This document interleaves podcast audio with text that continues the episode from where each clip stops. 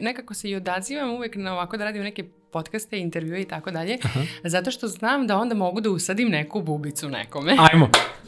Kažem da je zdravlje duha i duše uvek bitnije od fizičkog zdravlja. Neko ima problem na energetskom nivou, na duhovnom nivou, u energiji prostora. Tebi ni jedna ishrana da si ono... Uh, ne znam kakav vegan ili ono da se, da se hraniš samo voćem, tebe to neće, neće, ti, neće ti izvući. Mm. Imaćeš isti problem kao što si imao, samo ćeš eto biti srećan što što ti se možda poblišala koža ili kosa. Mislim, kad sam ja otkrila da imam tumor i koliko godina, čak 10 godina kasnije osvestila kolike su to bile posledice po moje, ne znam, e, od izopačenog ponašanja, stava koji imaš, lažnog samopouzdanja koje si nabildovao zato što si se osjećao ugroženo, ono, manje vredno. Mislim, stvarno, kompleksa niže vrednosti, da nikad nisi dovoljno dobar, da uvek nešto fali, da nikad nisi dovoljno lep. Životni stil treba da bude u skladu sa tvojom, sa tvojom porukom, porukom tvoje duše i da kažem smislom pog čega si ti uopšte došao na ovaj svet. Dragi moji dobri kosmički putnici, dobrodošli u još jednu epizodu Kosmičkih putnika, ovde je vaš domaćin Damijan. Kao i uvek pre nego što počnemo, želeo bih da vam predstavim moju današnju gošću. Ona se zove Mona Maličević. Mona Maličević je doktor medicine, zaljubljen u svaki vid iseljenja koji ima plemenitu srž i veruje da je zdravlje osnovni preduslov za život i snova i prioritet svakog uspešnog čoveka. Mona je predavač organizator jedinstvenih seminara koji spajaju znanje iz oblasti konvencionalne medicine, najnovijih istraživanja sa zapada, sa drevnim, duhovnim i filozofskim znanjima istoka. Sa 13 godina je obolela od malignog melanoma desnog oka, što je navodi da svoje lične iskustva, uspone i padovi iskoristi kao sredstvo za pomoć drugima. Kao praktikat konvencionalne i nekonvencionalne medicine, tvrdi da se svakom zdravstvenom problemu treba pristupiti na holistički način. Kroz gostovanje na televiziji i intervjue u časopisima koji se bave temom zdravlja, želi da upozna ljude sa njihovom veličanstvenom prirodom, regenerativnim sposobnostima tela i samoisteljiteljskim mogućnostima. Mona smatra da svaki problem na kraju urušava fizičko zdravlje i zato je svaki problem ujedno i zdravstveni problem koji zahteva rešenje pre nego što se pokaže kao fizička manifestacija, odnosno kao bolest. Duboko veruje u transformativnu moć koju posjeduje svako od nas i da blagostanje u kom želimo da živimo moramo prvo probuditi u nama samima kroz aktivan i kontinuirani rad na sebi. U današnjoj epizodi Mona je sa nam podelila svoj jedinstveni put razvoja kao i prevazilaženja vrlo izazovnog zdravstvenog problema koji je zadesio još dok je bila devojčica. Pričali smo i o duhovnim alatima koji su na tom putu pomogli i šta zapravo predstavlja holistički pristup u medicini. Ukoliko ste se ikada pitali koji su neki od vrlo efikasnih i dokazanih alternativnih pristupa u medicini, toplo vam savjetujem da ostanete sa nama do kraja naše današnje razmene. Ukoliko vam se dopada sadržaj kosmičkih putnika, postoje tri načina putem kojih možete da podržite nezavisnu produkciju i viziju ovog kanala. Prvi i definitivno najbolji način putem kojih možete da nas podržite jeste da se subscribe-ujete, odnosno da zapratite ovaj kanal i podelite ovu epizodu dalje. Drugi način jeste jednokratna donacija putem Paypala i treći način jeste da me zapratite putem platforme koja se zove Patreon. Linkovi za sve ovo stoji u opisu ispod ovog videa. Nadam se da ćete uživati u današnjoj epizodi i vidimo se u kosmičkim putnicima. We'll be right back.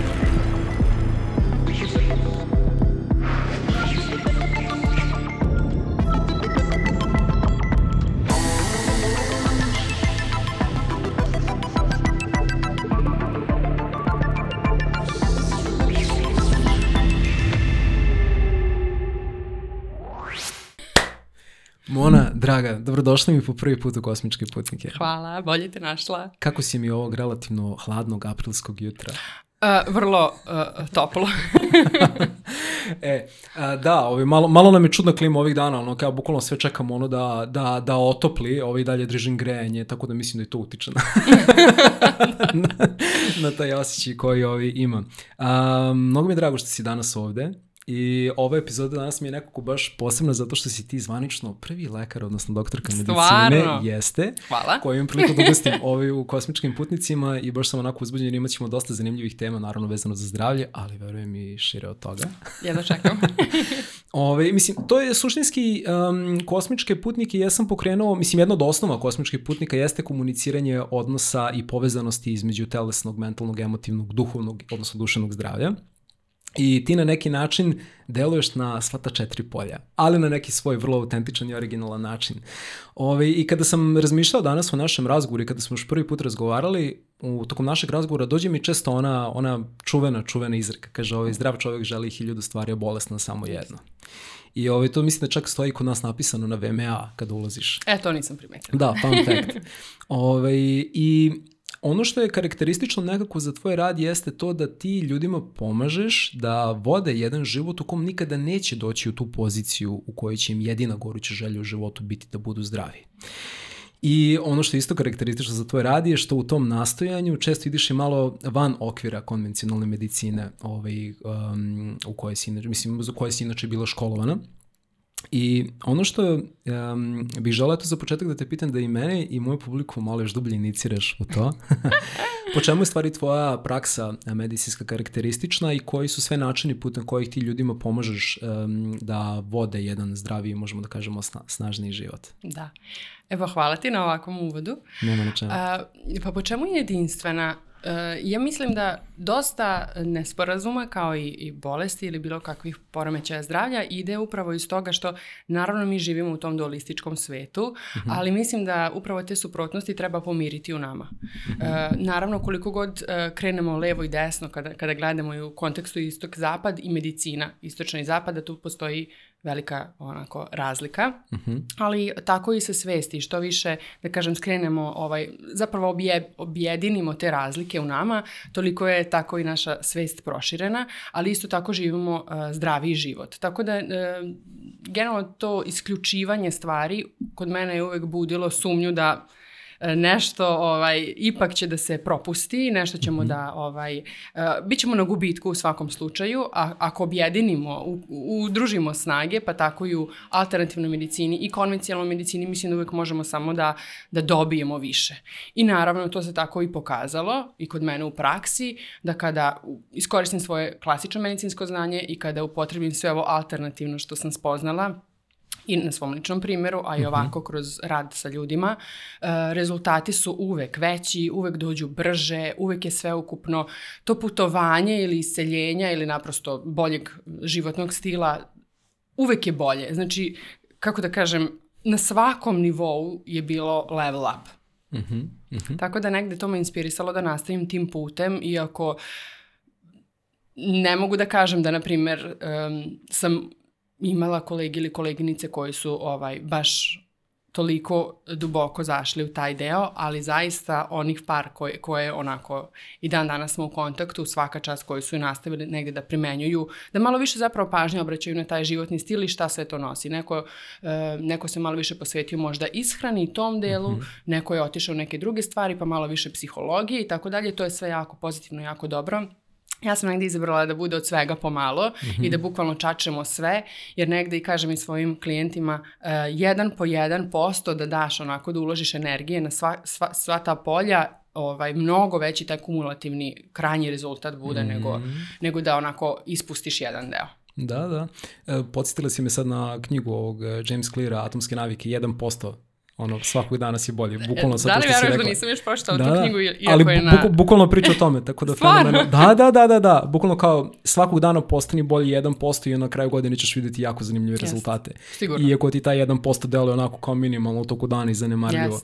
I to je, Ono što je nekako za tvoj rad karakteristično jeste da um, se vezuje taj pojem holističkog pristupa. E sad, uh, da li si ovo upravo što si navela na neki način, da li to opisuje taj pristup, odnosno kako bi ti opisala šta znači holistički pristup u medicini, na koji način ga ti konkretno primenjuješ? Da, holistički pristup znači celovito. Znači mm -hmm. da idemo sveobuhvatno iz svakog ugla i to za mene naravno znači da ide taj mentalni deo, emocionalni deo, ali da idemo još dublje, znači na taj subatomski nivo i to nikako ne treba da se previdi ili zanemari, a to je taj već domen vibratorne medicine, energetske medicine ili kako god da ga ljudi mhm. drugačije zovu. U svakom slučaju možemo je zvati i duhovna medicina jer, jer radimo na tim kategorijama koje su, da kažem, možda oku nevidljive ili mhm. rukama neuhvatljive, ali je to mnogo bitno u suštini zato što je to naša suština kao bića i onda meni je čak nekako nelogično da se onda doktori u suštini ne bave time. Hmm. Ako, ako, ako je to naša suština, a to svi znamo, mislim, ne moramo uopšte da budemo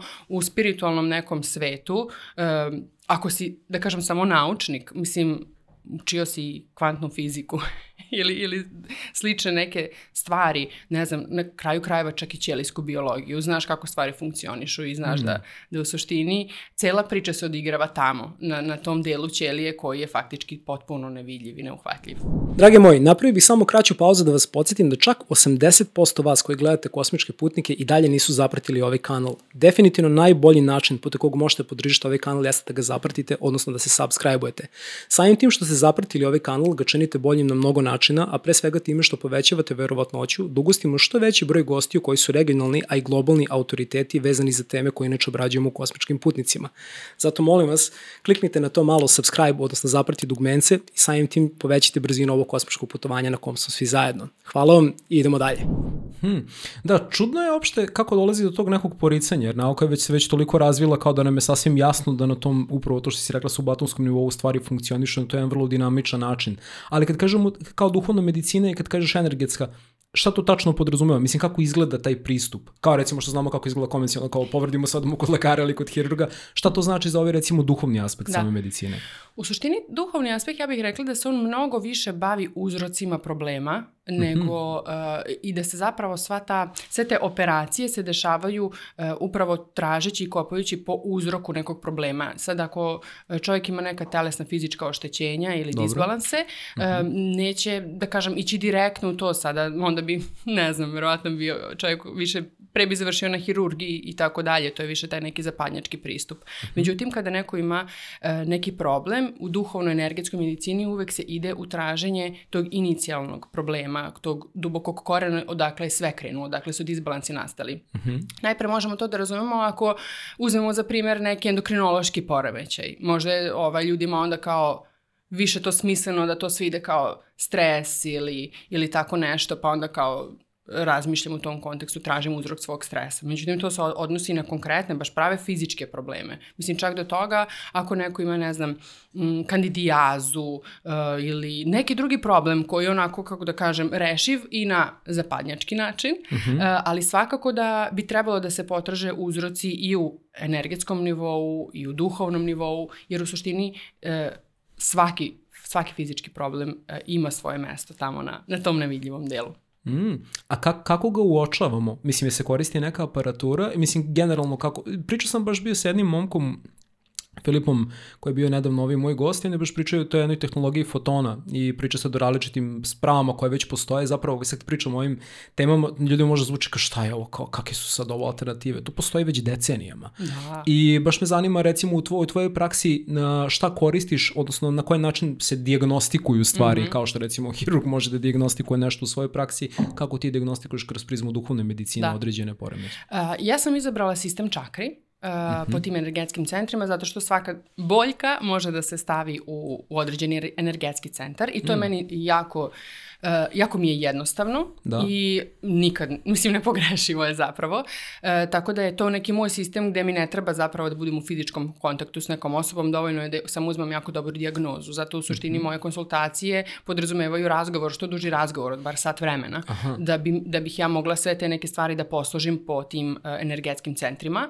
uh, disbalanse, uh, ali ta aparatura stvarno postoji i ja sam veliki ljubitelj kvantne medicine i mm -hmm. postoji 101 aparatić koji sada može može da stvarno diagnostikuje beskraj. Mislim, e, mnogo više nego što mi možemo da dobijemo, mislim, mnogo više odgovora dobijemo putem toga nego što možemo da dobijemo klasičnim nekim istraživanjima. Bar, mislim, mm -hmm bar kraj, traje kraće, ako ništa drugo, ovo bi trebalo stvarno da se dešava jedan proces istraživanja i istraživanja dok ne bismo došli do nekih uh, odgovora. Tako Jasne. da svakako ti aparati su fenomenalni što ti kažeš što postoji jako puno ovaj, već ono unazad vremena I ovaj, ne znam zbog čega to nije toliko već popularno Da, to je jako nas. čudno za da. mene. Da, da, da, da, da. Jer sve je već snimljeno, kako da ti kažem, od, od aure do boje čakri do uh -huh. uh, nekih drugih sistema u telu, to, to je sve već vidljivo, stvari su slikane. Mislim, čak smo, čak znaš i to da su slikani kristali vode, kako se voda ponaša u različitim uh, okolnostima koje u nekoj, evo ovako, prostoriji puno i cveća i tako dalje. Ako tu stoji čaša vode, ona će da poprimi jednu prelepu energiju gde će ti kristali vode kad se ta voda ista zamrzne i kad se posle to fotografiše, to će biti kao neke prelepe pahuljice. S druge strane, ako je to neka čaša vode blizu neke, ne znam, nekog otpada ili nekih prljavih voda, mm. ta voda će u čaši, isto ti kristali kad se zalede posle, ako je ta voda beskrajno čista u toj čaši, ti kristali te vode će da imaju totalno jednu drugačiju strukturu i prenosit će drugačije vibratorne poruke. I to je toliko jasno, mislim da su naučnici, ne ja, nego naučnici onako ustanovili, to je kako da kažem, ne možemo da, i, da ga opovrgnemo na bilo koji način. Da, čudno je što se tome generalno pridaje taj neki zvuk alternative i dalje. Ja ne znam koliko je rađen već onih eksperimenta, sad kad si pomenula vodu, bilo je ono kad stave onu nalepnicu volim te. To je vodu. to. To je samo namera usmerena Jeste. u vodu. Znači naša namera, naša Jeste. svest utiče na kvantnom Jeste. nivou na promene. Ta vo- voda reaguje i na tu nalepnicu, zato, zato i jeste to postalo popularno sad sa tim na, nalepnicama na flašama, na čašama, jer reaguje na nameru, reaguje na prostor, reaguje na reč, voda reaguje apsolutno na sve, odatle ide cijela ona priča sa uh, Bahovim cvetnim esencijama. I, i to, su, to je voda koja je bila u prisustvu određene biljke i poprimila je njenu poruku. I zato je različita poruka, ne znam, jednog cveta u odnosu na hrast ili tako nešto drugo. Naprosto u telo posle ovaj, doprema različite inpute, drugačiji su i zbog toga stvarno to, to radi. Prenosi na naših ostalih, na primjer, 70% vode. Znači, naše, naše unutrašnje vode postaju bogatije za tu informaciju. Mislim, to je tako sve jednostavno. Hoću da kažem da je to taj alternativni deo medicine koji stvarno pomaže. Mislim, spektar ljudi koje znam, koje, to, to im je klasična ono, njihova doza koju imaju od za anksiozne neke, da kažem, napade do drugih stvari koje stvarno, koje mogu da s tim reše. Pomenula si taj izraz čakre, koja je danas već postao onako poprilično mainstream, svi pričaju o čakrama. Da, um, za ljude koji prvi put čuju, šta u stvari čakre predstavljaju i kako si ih ti, ovaj, kako si ih otkrila? Kako, si sam ih otkrila i doživjela. Da, Uh, ja da sam još bolje, kako si ih da, doživjela. Da, ja sam da, ih da, doživjela. to. Čula sam i što ti kažeš to, ovaj, čim upališ neki eh, čas joge online, do Svi ne znam nije čega, odmah, da, da, da, da, Da, da. tamo s- vizualizujte Jest, ovaj, tu i tu jest, čakru. Da, da. Ali u suštini ovaj, to je to je jedan naš unutrašnji gejzir energije, kao što je celo naše telo, mislim, to, je, to su kao, ne znam, autoputevi ovaj, uh, ili, ne znam, to su sve tokovi energetski. Neko, kao što može da zamisli krvne sudove po celom našem telu, tako možemo da zamislimo i te energetske tokove. Međutim, uh, postoje ti centri gde, gde oni, kako da kažem, ulaze i izlaze iz, iz, iz našeg te, tela. Ja ih volim da kažem gde izviru, gde su ti gejziri energije, to su te, to su te čakre. U suštini ima jako puno energetskih sistema, nije to jedini energetski sistem. Ljudi tu našu telesnu energiju grupišu uh, na njima uh, lagan način. Znači da mogu što više da da kažem da, da je poslože, da je kultivišu i da mogu s, nji, s njom da radi ili da opisuju drugim ljudima. Mislim, zbog toga te razne ono, od grejača, ovih onih, do, do čakri, mislim, termini su različitih. Um, u suštini, im, to znamo da ih na telu ima sedam, tako su, kako da kažem, to je slikano, to je već dokazano da postoji tih, tih e, sedam Ko je centara. slikao? Mislim, jel postoji neki rad koji to, zato što nisam, nisam našao bio do sad, baš me zanima i volio bi da ga podelim ovaj generalno svojim gledalcima. Kao, ko, ko, ko ih je zaista, mislim, uslovno rečeno dokazao, mislim, zabeležio?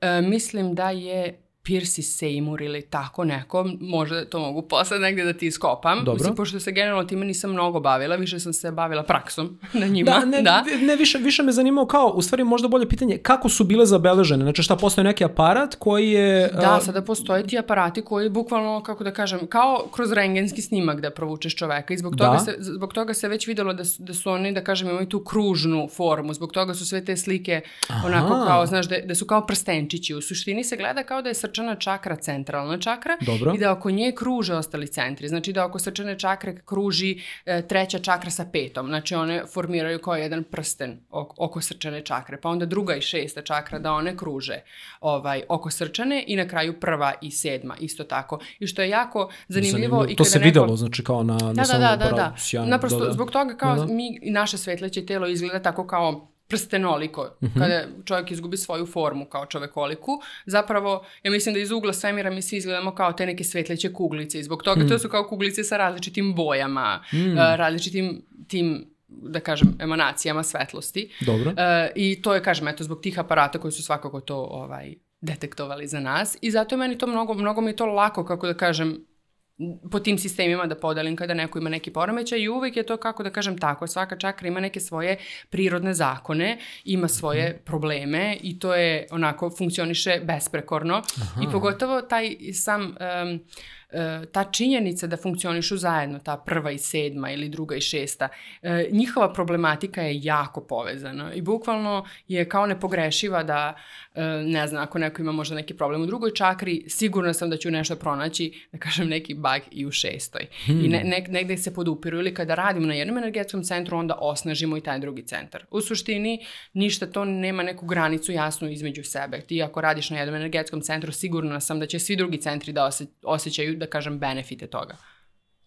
Um, pitao sam te bio kako si ih otkrila? Da, ka, da ka, ha, kako si uopšte ušla da, u to? Da, da, ušla sam je... preko majke, ona, Aha. ona odavno je bila u tome svemu i ona je počela prva da, uh, ja mislim još u Somboru ili u Subotici, da drži predavanje na tu temu. I onda kad sam ja već malo stasala, kada su me više zanimale te teme, onda sam naprosto ja prisustovala tim predavanjima i to su onako jako lepe sesije, se radi čakra po čakra, na primjer po mesec dana uh, ili tako dalje i onda to totalno uđemo u tu suštinu i kako su sad godine prolazile, sa više istraživanja na tom delu, onda sam uzela onako još neke stvari da dodajem u sve to kada sam počela da istražujem možda malo eterična ulja i biljke, čajeve, što bih svakako da kažem preporučila nekoj osobi da pije. Mm -hmm. uh, onda sam, uvek me je zanimalo gde bi to spalo, kakvom vibracijom ta biljka odiše, da li bi ona išla više za ovaj delove sa prvom čakrom ili sa sedmom ili sa petom, kako god.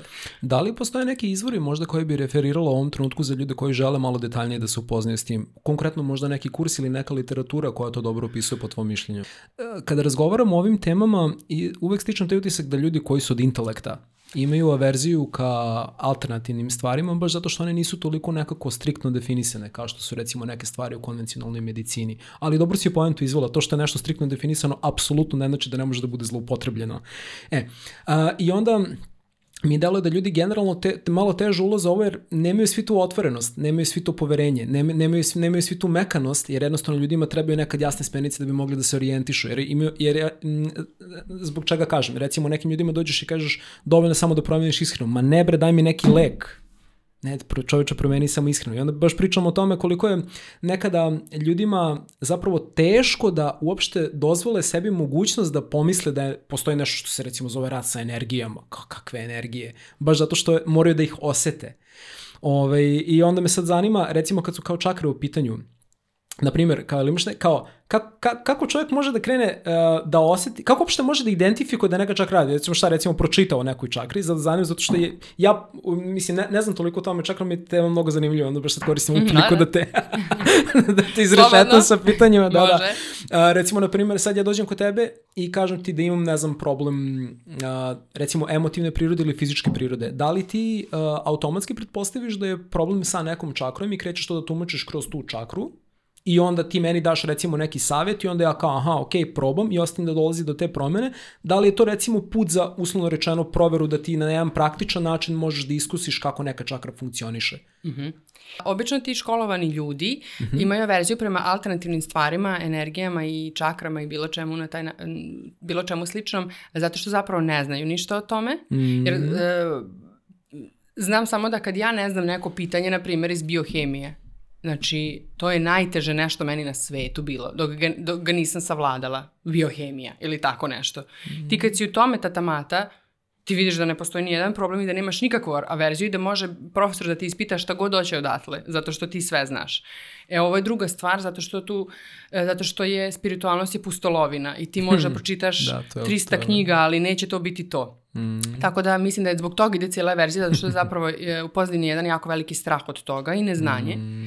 A što se tiče ovih e, čakri, u suštini osoba nikad nema samo e, psihološki problem ili samo problem emocionalne prirode ili samo fizički problem. Nego kad ja čujem koji su sve njeni e, psihološki, emocionalni ili telesni problemi, to je obično sve i isto, kako ti kažem, spada apsolutno u tih možda u jedan centar ili u tih par centara koji mm. su joj najoštećeniji. Onda kad ja malo opišem taj centar, koje su, koje su njihovi prirodni zakoni, mm -hmm. koja je energija koja hrani taj centar, a koja je urušava, ona kaže to je to.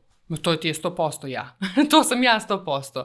Naprimer, um, za uh, srčanu čakru, ajde kad smo njoj već počeli, mm -hmm Bitno. Emocija, da, bitna, jako bitna, u suštini da. najteže se disbalansira. Kad je neki mm. drugi centar u disbalansu, ona isto u disbalansu. Je, on, ona je tako nekako krhka, baš kao ovaj, uh, onako prava srčana čakra, jel? Uh, emocije tuge, uh, to je nešto što nju potpuno disbalansira. To i sami znamo mm -hmm. kada smo tužni, ono, potpuno, da kažem, smo disfunkcionalni. Čak neko toliko kada je tužan, e, nesrećan u tom nekom smislu, e, znamo da, znaš, ono, padne u postelju, padne mu imunitet, razboli se ili nešto. U suštini, zato što srčana čakra jeste povezana sa našim imunitetom i to je onako meni onako isto tako jasno kao dan mm -hmm. i to je mhm. srčana čakra, srčana čakra se hrani be, principima i ono, osjećajima bezuslovne ljubavi. I to je onako isto jedna mm. posebna kategorija kada, kada bi ljudi osvestili šta ta bezuslovna ljubav zapravo znači.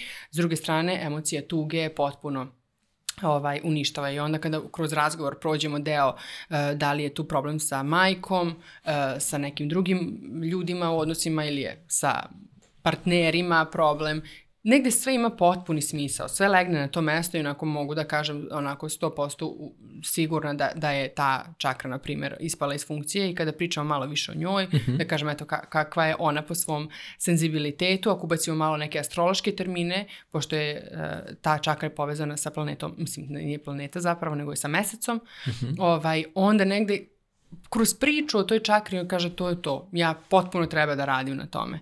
I onda kad imamo tako čakru po čakru, obično kažem ne idem, ne idem kroz konsultacije, kroz sve čakre, nego koje zaista mislim da jesu sigurno ovaj, ugrožene na neki mm -hmm, način. Mm -hmm. To bude, u, uvek bude ono iznenađenje, ne mogu da verujem kao stvarno si pogodila u centar. U suštini nisam, nego energija naprosto je tu onako malo drugačije. Sad, to je kada ja pričam iz tog ugla čakri. S druge strane, opet, eto, spomenula sam i šamana ili nekog drugog, mm -hmm. čak i e, neko ko se bavi samo bioenergijom, onako svojim šakama, može da ide po telu te ovaj, osobe ili da e, čovek ili žena ode na kvantu medicinu, verovatno bi mm -hmm. i aparat i taj čovek ovaj, isto bi mogli da osjećaju ili da, ili da detektuju da da je taj centar, na primjer, ispao iz ravnoteže.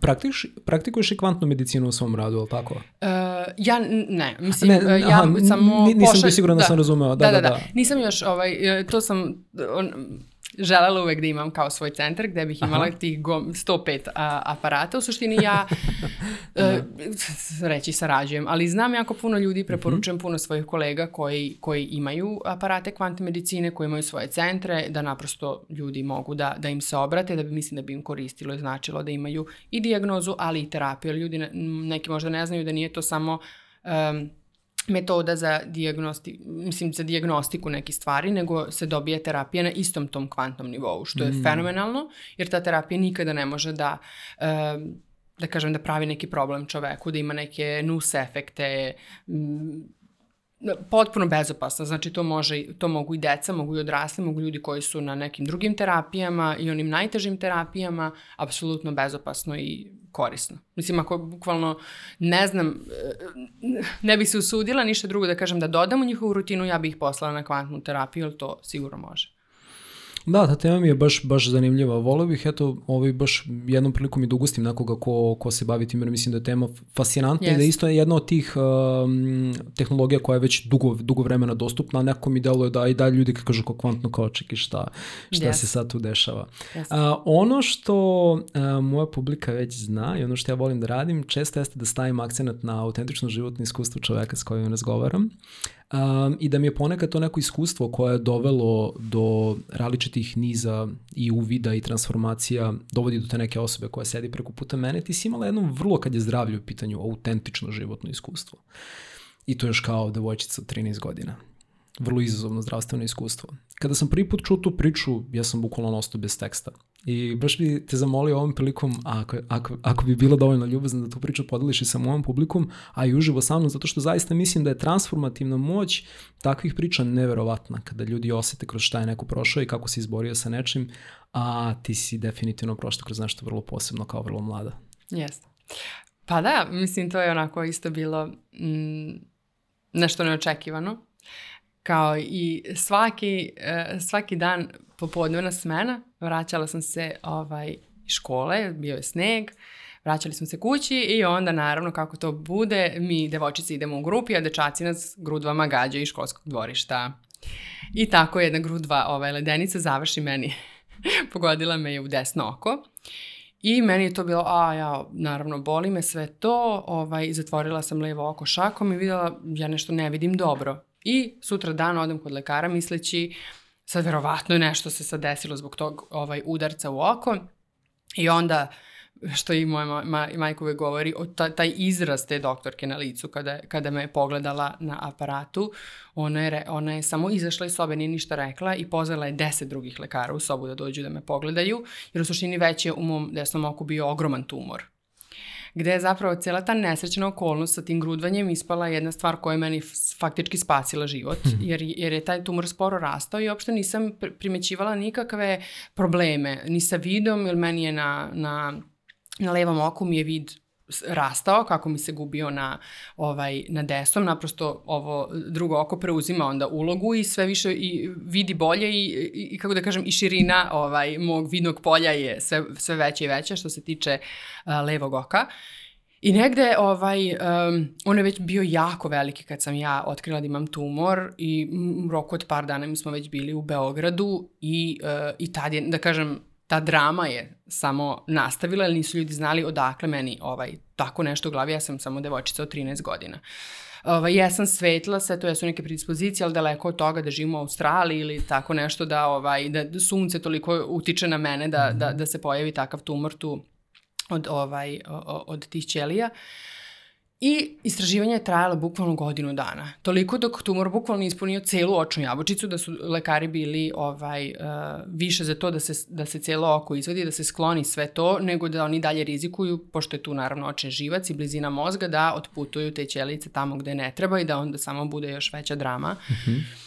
I tako posle godinu dana svega toga uh, sam ja naprosto ostala ovaj, uh, što kaže naš ono kao na kraju si opet si izgubio tu bitku i, ovaj, i ostala sam bez desnog oka. I to je, da kažem, um, bilo jako riskantno, jer u suštini uh, to je ostalo na toj operaciji. Moji roditelji nisu pristali da idem posle toga ni na kakva zračenja ili hemioterapije, nego je ostalo sve na toj operaciji i narednih pet godina smo imali zadatak da se, da se to prati, da se vidi da li su metastaze negde ostale. U suštini to je sve zaista, da kažem, taj medicinski deo je ostao na tome. Uh, a moje, moja turneja, uh, psihoemotivna, duhovna je tek počela. Jer Upravo ja jesam se bila možda fizički iscelila u, to, u celom tom mm -hmm. procesu uh, ili zacelila, kako god, um, ali sam pokupila najrazličitije druge probleme za sebe. Znači kao jedna devojčica u pubertetu koja je išla, ne znam, u školu za talente, žela da bude manekenka i da putuje svetom,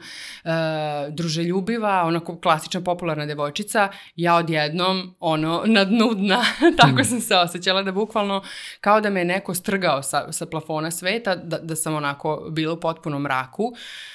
Um, I naravno, hvala Bogu što imam i takve roditelje i što sam neke stvari znala još od pre, jer kako smo i pričali uh, telefonom, ja sam bila ono, inicirana za meditaciju i takve stvari i, i na duhovnim različitim okupljanjima još od svoje sedme godine, tako da ne mogu da kažem da sam, da, da kažem da sam baš bila toliko pala da, da nisam mogla da se posle toga sastavim. Mislim da su te neke stvari me potpuno podigle iz, iz tog položaja gde sam tada bila.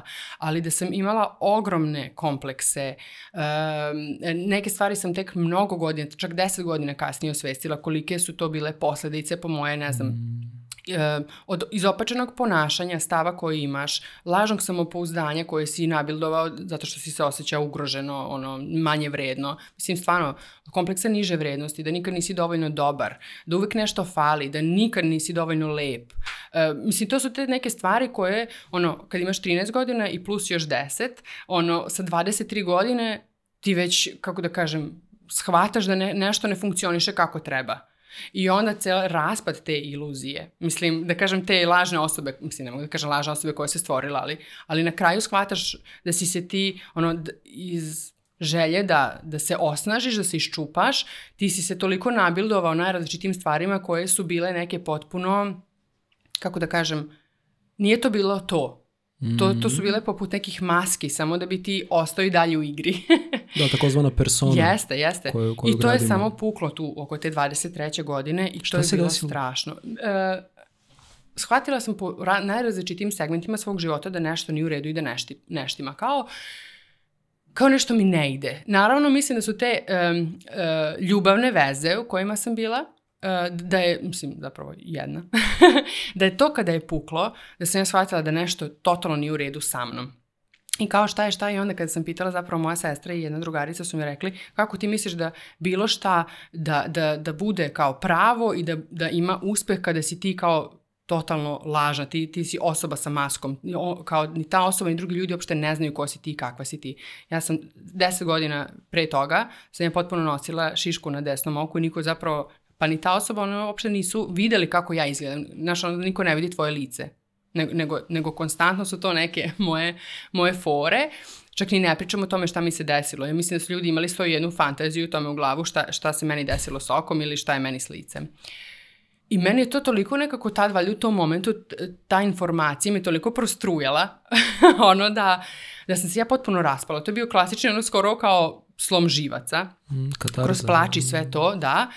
I onda sam rekla, ali to je valjda eto, taj jedan deo meni, ok, ako je tako, mislim to je bukvalno jedina stvar što ja mogu sad to da uradim je sutra već dan da ja pokupim moju kosu u punđu i da odem na fakultet i da naprosto kao prestane ovo sve jednom, jer toliko se ja nisam osjećala u, udobno tada već u svom u toj situaciji u kojoj sam bila da sam žela nešto radikalno da promenim. I sećam se da sam i tada, da sam se ovako bukvalno tresla, ujutru sad kačim kosu ja u punđu, idem na fakultet kiša. I toliko sam bila sluđena tim da nisam ponela ni kišobran i ja sam išla tim mojim ovaj, um, dvorištem medicinskog fakulteta, sećam se totalno te rute, da sam se čak i javljala ljudima, oni mene uopšte nisu prepoznali. Ja su se ovako kretali kao i posle čujem kako prođem njih, oni kao, to Mona, kao Znaš, niko ne konta da sam ja, a ja idem kao neki ludak zato što ne nosim kišobran i, i kiša oko lije sa mene, sa lice. Znači kao neka filmska scena, ali ja sam toliko, pod toliko unutrašnjim stresom da ja uopšte ništa od toga, ništa mi od toga nije važno. Meni je bio moj samo cilj da ovaj uh, drugarica Verica da me koja me je čekala u jednoj od ovaj od, ispred ta, uh, ispred jednog amfiteatra samo da dođem kod nje i da je zagrlim to je jedini moj cilj. I, ta, i kao javljam se ljudi, mislim ono, neko kao čao, čao, koga sretnem. I ne mogu da nađem Verica. Verice. Desi Verice. Desi. Ako gledaš ovo. Bukvalno, da. izara, da, bukvalno. I, ovaj, da. I onda kad naletim, naravno, na, na da. moju grupu ispred amfi, amfiteatra i tu su svi sem Verice. I, ovaj, I ja pitam njih, gde je Verica? Znači, ni A ni B. A oni se svi samo ako okrenu, ako, ako gledaju mene bez jedne reči. Kao, tamo je. Ono, znaš, on kad ne, ne znam šta, šta je sa mnom i ko sam ja i, ili fazonu šta mi se desilo kad ja izgledam pod jednom tako kao, kao potpuni ludak na kiši. I sećam se da sam je samo videla i zagrlila i to, to je bilo to. I kad sam ja preživjela taj dan, znači, to je bilo to, ovaj, posle toga je stvarno sve bilo drugačije. Mm. Onda moj prvi izlazak u grad, pa moj prvi izlazak u grad iz kog sam došla, u Suboticu i sve mi je bilo kao, uh, kao uspeh, kao prešla sam još kao jedan deo iz igrice. I, i ka, kako da kažem, vratno je sve to smešno ljudima koji su bili oko mene ili, ili koji su možda, koji ovo slušaju ili koji su me posmatrali kao da je to stvarno takav bio uspeh, ali to stvarno jeste bio takav uspeh za mene.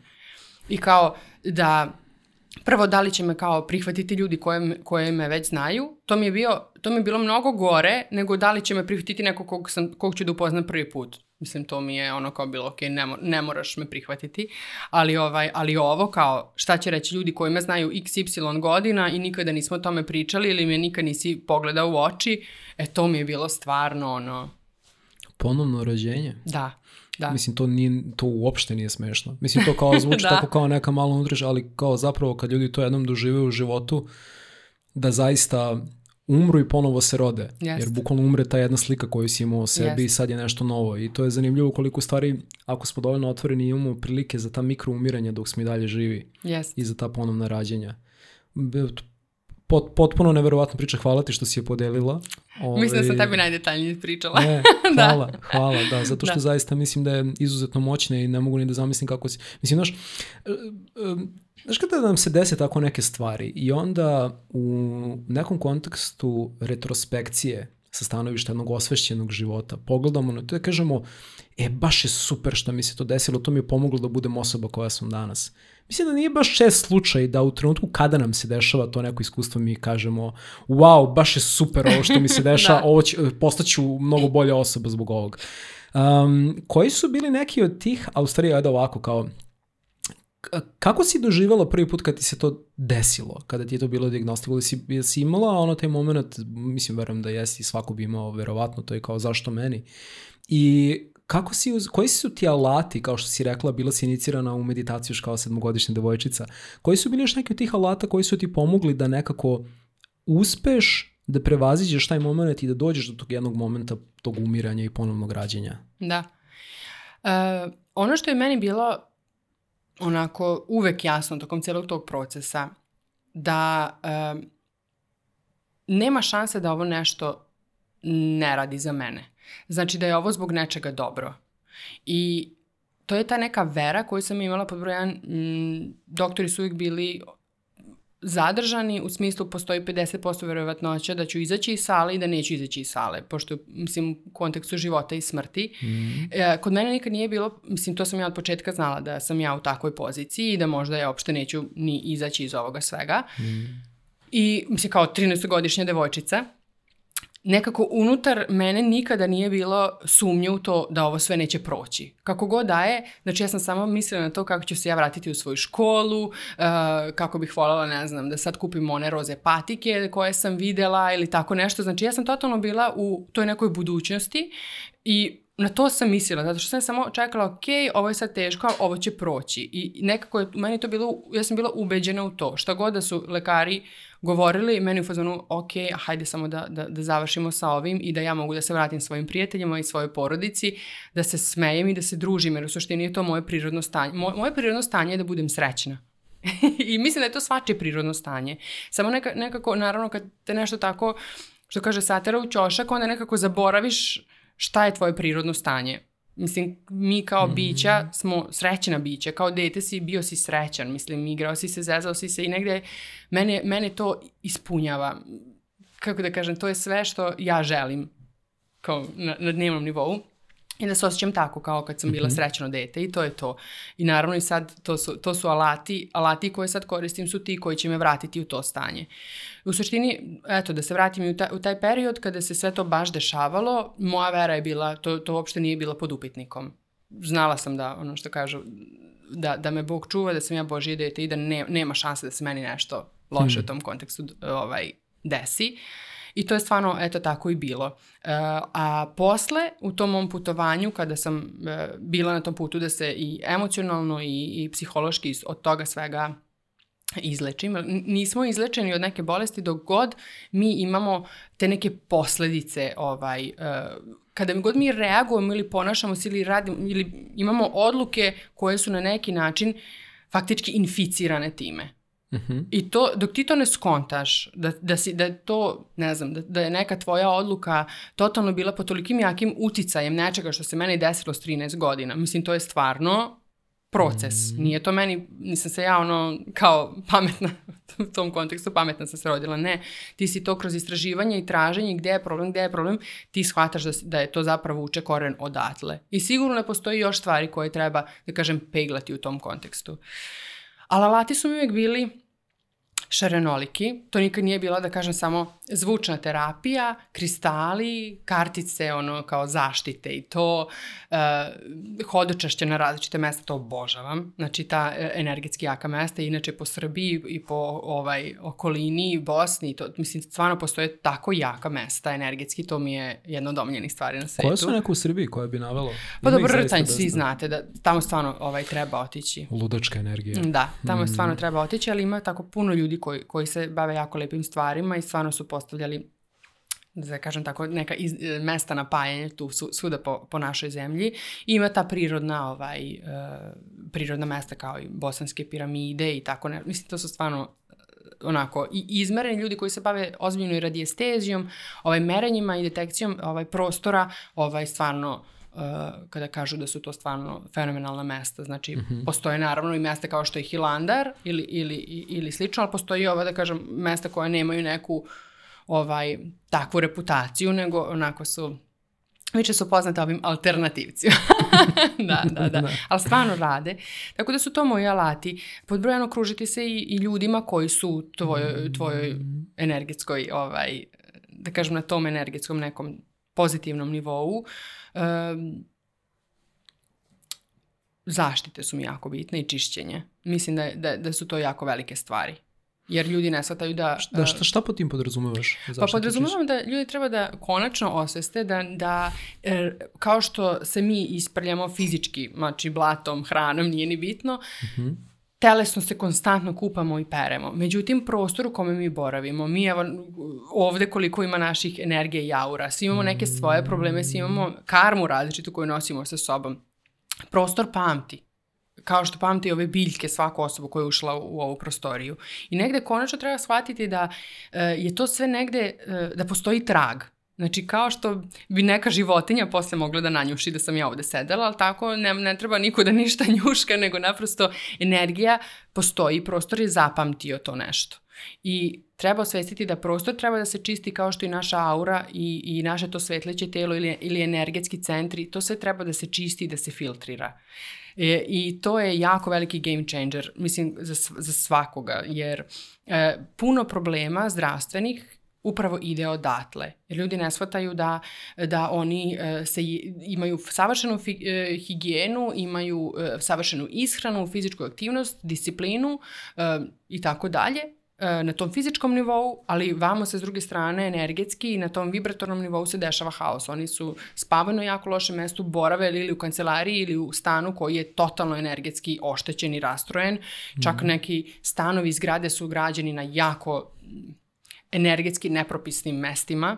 Mm -hmm. To može, mogu biti samo trafostanice, ne znači da se nešto dešava ispod zemlje ili da, podzemni tokovi ili možda neki, da ne kažem stara neka groblje ili tako nešto. To, to je prostor zapamtio i to jako utiče na nas. I onako volila bih da se u budućnosti, pogotovo s ove medicinske strane, da negde to postane kao dobar dan. A ovde to i dalje spada u onaj domen kao nekog veštičarenja. Mm. Znaš, to je jako pogrešno. Zato što to nema nikakve veze s tim. To je nešto što se isto tako može dokazati i proveriti. To, to proveravaju ljudi instrumentima za koje su dobili licencu Lekarske komore Srbije. Znači, nije to nešto što je, znaš, ono kao meni, meni sišlo u meditaciji, da, da kažem. da, to, to, to je odlična tema zato što baš i sam razmišljam uh, često kada putujemo i onda odem negde, negde spavam fenomenalno, negde spavam katastrofalno. A negde osluškujem sebi imam utisak da posebno kad odem negde dovoljno mogu da prepoznam da li sam u nekom napornom emotivnom stanju pa zbog toga loše spavam ili mi jednostavno cool samo loše spavam i onda se tad sam krenuo da razmišljam o tome, čak i one podzemne vode koje isto mogu da utiču na to, ra, ra, različite bukvalno elektromagnetno polje tog prostora. Uh, kako možemo da uopšte provalimo da nam nešto nije u redu sa stanom u kom da. živimo. Da. Kako pa to, ja to na različite to, načine. Na primjer, možeš da vidiš da li ti ne uspevaju biljke. Aha. Na primjer. Pa mhm. onda vidiš, na primer, uh, ono što je meni jako bilo zanimljivo, naravno ja sad imam dvoje dece, pa onda kako mm -hmm. se oni ponašaju i čim oni krenu malo više onako da kako da kažem, odjednom oni, naš, ili, ili neprospavanih par noći, ili mnogo plaču, ili odjednom onako su malo, malo bolesni, onda opet idemo u detekciju da li se tu nešto dešava, ili ko je bio u stanu. Uh, pa šta se tu dešava. Dobro, ja sam malo onako više, više sam, više obraćam pažnje na to i tako dalje, pa tako da kad nekada budem u uh, komunikaciji s nekim ljudima ili sedim u nekoj prostoriji ili čak Sećam se kad sam bila mlađa, pa mm. ako svi zajedno kod, uh, kao društvo prespavamo, na primjer, negde posle mhm, žurke, mm. tako nešto, mm. ja se mhm. nekad uh, probudim i tako sa ogromnim bolom u glavi ili neko, neko ima taj, tu reakciju da povraća ili da, na, naprosto odjednom bio sam dobro i, i be, bez ikakvog razloga meni sad jako loše. Znači, na primjer, ogrom, ogromna glavobolja ili migrena. Znači da nešto tu neštima.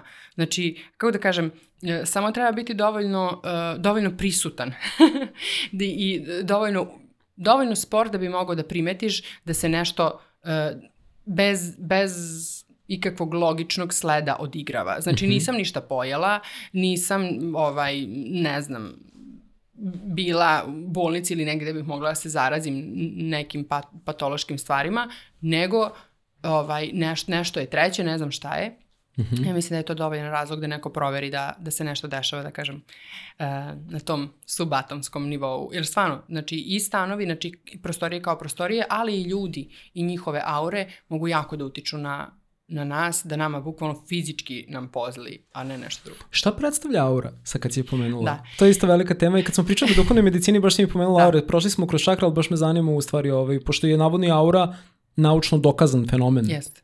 Ove, Rusi su baš dosta radili ono eksperimenata na temu aura, ali da, Jeste. baš me zanima da definišemo Da. za ljude.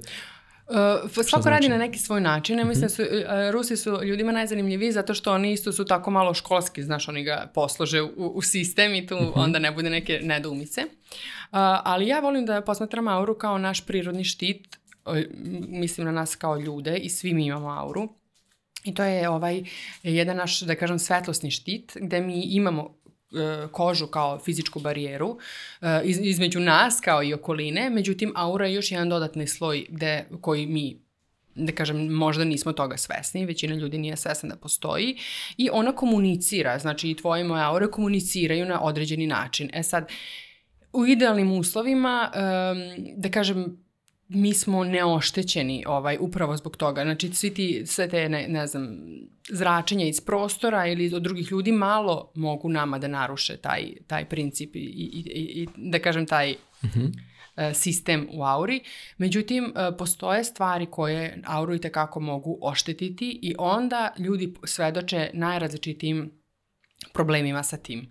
Pogotovo to je zato što se skoro uvek odrazi naravno na zdravlje, uvek se fizički ovaj, na kraju poja- pojavi neki problem u telu, jer kad je naša aura oštećena, zato kažem kao štit, jer kad je ona oštećena, onda kroz, tu rupu, da kažem, taj, taj procep u auri, zaista svašta može onako da, da, da uđe u naš, u naš energetski sistem. I onda tu zaista, uh, zaista može čovjek da ima problem ako je uh, boravi sa onako sa više ljudi u prostoriji ili na nekim drugim ovaj ovako mestima uh, koje posećuje, mislim da zaista može da ima onako ne, neudobne neke uh, stvari. Um, jel, kako znaš recimo nekada, da li je problem u auri ili u čakri? Na primjer, kao da li nekom je narušena čakra ili Pa aura? samo detekcijom. Da, da, da. Uh, to, to smo ti isto sam ti spominjala najviše Aha. tim pitanjima što se tiče aure i naših svetlećih tela. Mhm. Uh takozvanom duhovnom medicinom se najviše bavi moj otac. Tako da kad posumnjam uh, uh, da, da se nešto ozbiljnije dešava, uvek prvo, prvo tatu kontaktiram Mhm. i prosledim uh, uh, tamo ljude, uh, a onda ako je nešto Pozdrav što vidim... za da, pozdrav za tatu Dragana. Da. E, a Da, da. ako se nešto, ako vidim da je nešto što se tiče više na e, psihološko-emocionalnom nivou, Mhm. to isto tako će da utiče negativno na naše, naše čakre, a onda tu već mogu da, e, mogu ja ovako, da kažem na jedan na jedan i već da pomognem klijentu, da Mhm. kažem da se on samo isceli. Međutim, neke stvari su e, onako, nekada budu jako upečatljive da osobi e, kao ništa ne pomaže i da je probala ovo i da se stvarno vidiš da se trudi, da je probala i ne može i ne može i ne može. Kao, kao kada bismo uzeli za primjer neku stariju osobu koja, kojoj ni jedna božija terapija ne može da reguliše pritisak. Znači nešto nije u redu. nešto nije okolo toga svega u redu.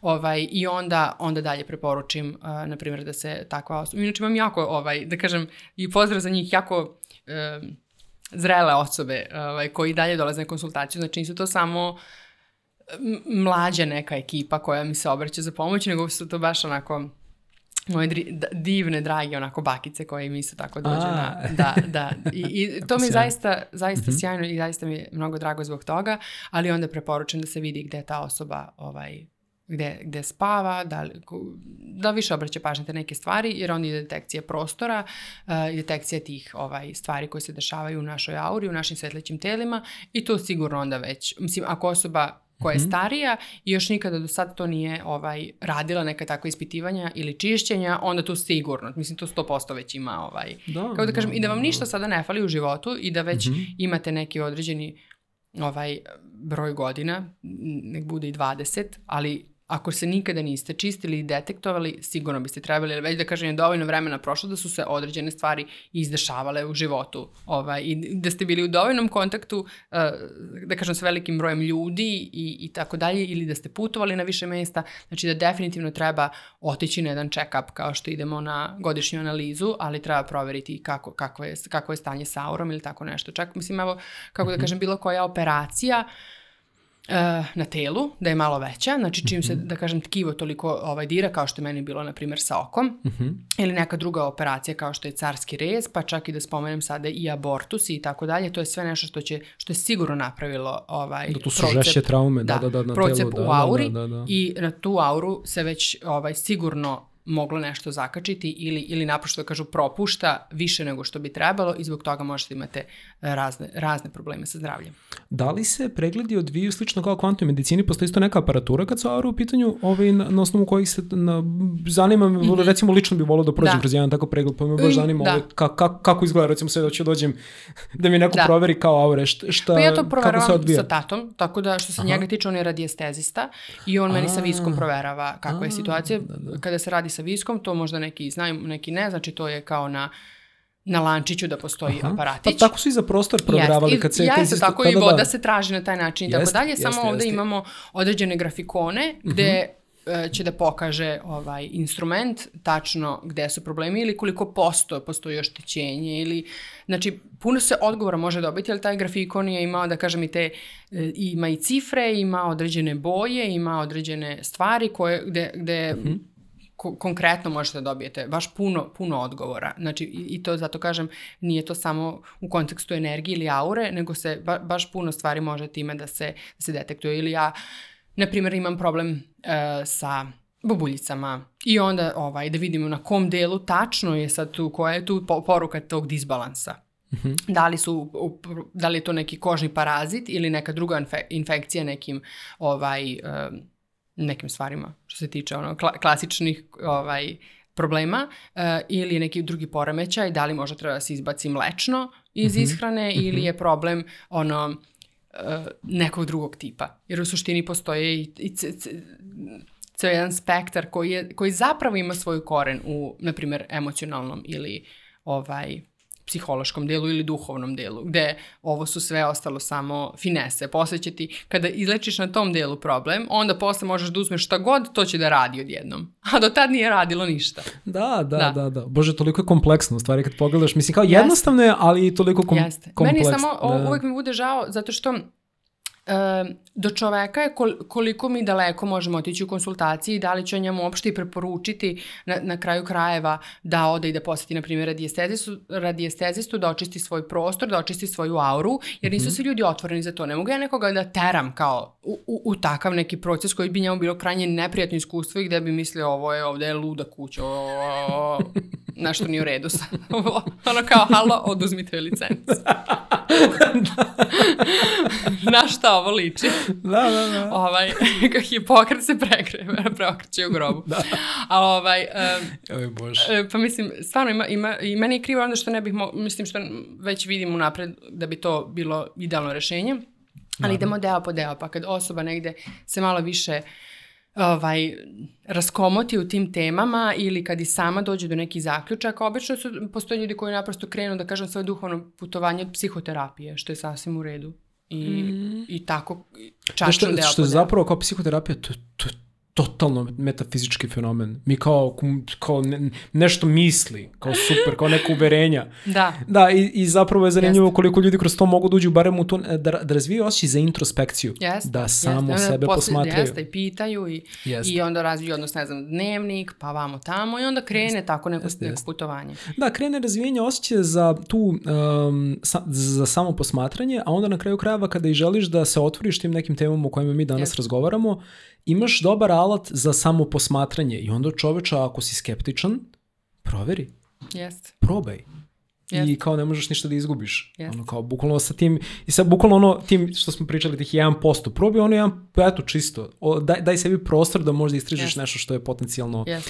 ovaj, alternativno. Um, na neki način smo načeli tu temu time što smo uveli ovo, ovoliko različitih aspekata kako možemo da pristupimo zdravlju. I kada pričamo o zdravlju, nekako većina nas automatski instinktivno to veze za, veže za fizičko telo. Kao mhm. zdravlje, fizički, da. fizički sam zdrav ili nisam zdrav. A zapravo što više vremena odmiče i što više nauka se i razvija uh, u svim mogućim pravcima, dolazimo do te jasne spoznaje da je zdravlje duše ponekad ekvivalentno bitno kao i fizičko zdravlje i da, su, da je zapravo spona između ta dva aspekta zdravlja neverovatno čvrsta i neraskidiva. Uh, I onda tu dolazimo i do onog fenomena uh, da li je, u stvari, dolazimo do pitanja da li nam je zdravlje zagarantovano dobrom ishranom? Znaš, što ljudi nekada misle. Da, ljudi, to nikako nije zagarantovano, to, to je definitivno i negde da. bih baš voljela, evo, putem, inače nekako se i odazivam uvek na ovako da radim neke podcaste, intervjue i tako dalje, zato što znam da onda mogu da usadim neku bubicu nekome. Ajmo. Daj. da, jer kao, znaš, Pošto kao možda ne mogu kao, Da, da, možda da, da, na, da. u sesiji jedan na jedan, možda kao ne, ali ovako će da čuje, pa ako, ako ga interesuje, onda, onda će da pita, onda će da traži odgovore, ne možda od mene, možda od, kroz knjige, kroz, kroz neke druge izvore, ali to nije ni bitno. Ovaj, um, hoću da kažem da je zdravlje duha i duše uvek bitnije od fizičkog zdravlja. Jer ono što je 100% sigurno je da je to deo, da tvoj deo duše je tvoj, pod broj jedan, i da je on nepropadljiv i da je on će da živi i kad ti više ne budeš ovde. A ono što je isto tako 100% sigurno je da si ti telestan i da ćeš ti 100% umreti jednog dana. I kao, i toliko akcenta na fizičku aktivnost i ishranu i svega za taj jedan, mislim da za taj jedan aspekt tebe koji je 100% propadljiv, Mm.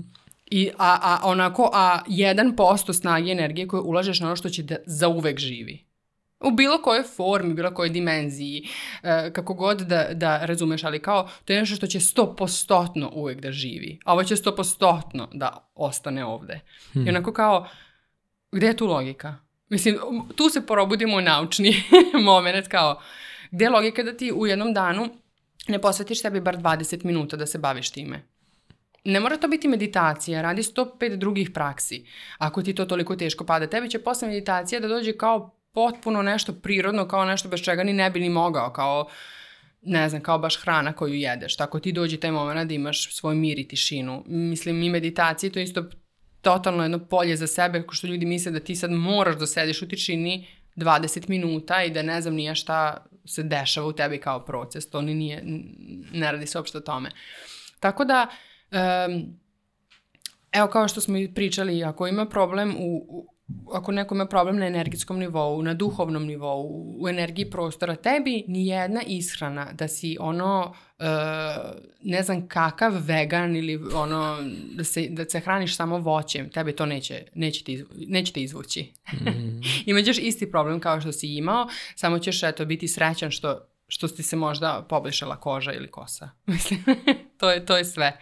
Tako da, e, ishrana je samo jedan segment, fizička aktivnost je samo jedan segment, um, toliko je toga, mislim, što se može učiniti osim Mislim, ne bih ni voljela da ceo taj deo wellness i healthy lifestyle i sve to što se sada propagira, e, to više ide kao na neki, e, na taj moment kao, kao da si totalno posložen kao tvoj dan ima formu i kao ti si svoje završio, znaš, znaš, znaš čak i oni reelsevi počinju tako, probudila sam se, složila sam svoj krevet, napravila sam sebi shake, otišla sam na trčanje Mm. i ovaj, čitala sam knjigu, upalila sam sveću i kao to je kraj reelsa, to je moj dan, kao to je to, sigurno ću žive, sigurno ću živjeti 100 godina, kao galapagoska kornjača i, ovaj, i, i bit ću srećan i zadovoljan u životu. Pod brojan uopšte nećeš biti ni srećan i zadovoljan u životu, jer sve ono što ti treba da hraniš u toku dana i gdje treba bude akcenat je smisao toga što radiš. I kad čovjek osvesti da je on došao s nekim smislom, smislom i e, sa svrhom i sa misijom, da je ta misija veća čak i od jednog života, ali misija je uvek veća od jednog života, e, onda dobije tvoj dan ceo kon, pravu i originalan koncept i formu. Znači ti odatle treba da stvoriš svoj koncept dana i formu, a ne što si gledao kako ovaj video od 3 miliona pregleda kao u, u, pa ovo je 100% zdrav životni stil. Ne. Tvoj životni stil treba da bude u skladu sa tvojom, sa tvojom porukom, porukom tvoje duše i da kažem smislom zbog čega si ti uopšte došao na ovaj svet. Mm. E onda i tvoj i moj dan izgledaju potpuno drugačije, ali su oni 100% healthy. Razumeš? Da, to je, to je jako, mislim, jako zanimljivo, jako zanimljivo kako ljudi brkaju automatizaciju sa smislom. Ako život sve automatizujem, automatski će doći smisao. Neće. Da, da, da, I, da, da. I upravo, a smisao ne možeš da automatizuješ, njega Da. jedino možeš da osetiš i da probaš da ga manifestuješ Jeste. kroz različite Jeste. prakse. Disciplina će ti pomoći i to je, na primjer, odlika prve čakre, jer mislim da od- odatle ljudi treba da počnu i, i ceo duhovni rad možete da počnete samo od toga radom na tom. Posloži se, ok, disciplina će ti dati prostor da ti konačno možeš da osetiš, da spoznaš, da, da, da, da ti se ono mentalno da ti se posloži i da ti se prikaže šta ti uopšte radiš ovde. Jer ako ti živiš naravno, ne znam, u neurednoj sobi, uh, ako ti je ceo poslovni deo u haosu, emocionalni deo u haosu, tu nemaš nikakvu strukturu i formu, naravno onda sve što ti dođe je haotično. Mm. Ovako kad se posložiš i taj deo sa što kažem, kada, kada totalno budeš absolvent što se tiče prve čakre, imaš svoj red, rad, disciplinu i formu, onda konačno stvaraš uslove uopšte za ta neka, ovaj, da kažem, spuštanja. Kao da si napravio konačno jedan dobar, dobar aerodrom, kao pistu na kojoj veliki avion koji je inspiracija, koji je svrha, koji je sve ono mm. uzvišeno, konačno može da se spusti. Jer on neće spustiti, jer ne, nema našta. o, fantastična analogija, baš si lepo opisala. da. Sjajno, da, da. I to je zaista Jeste. tako.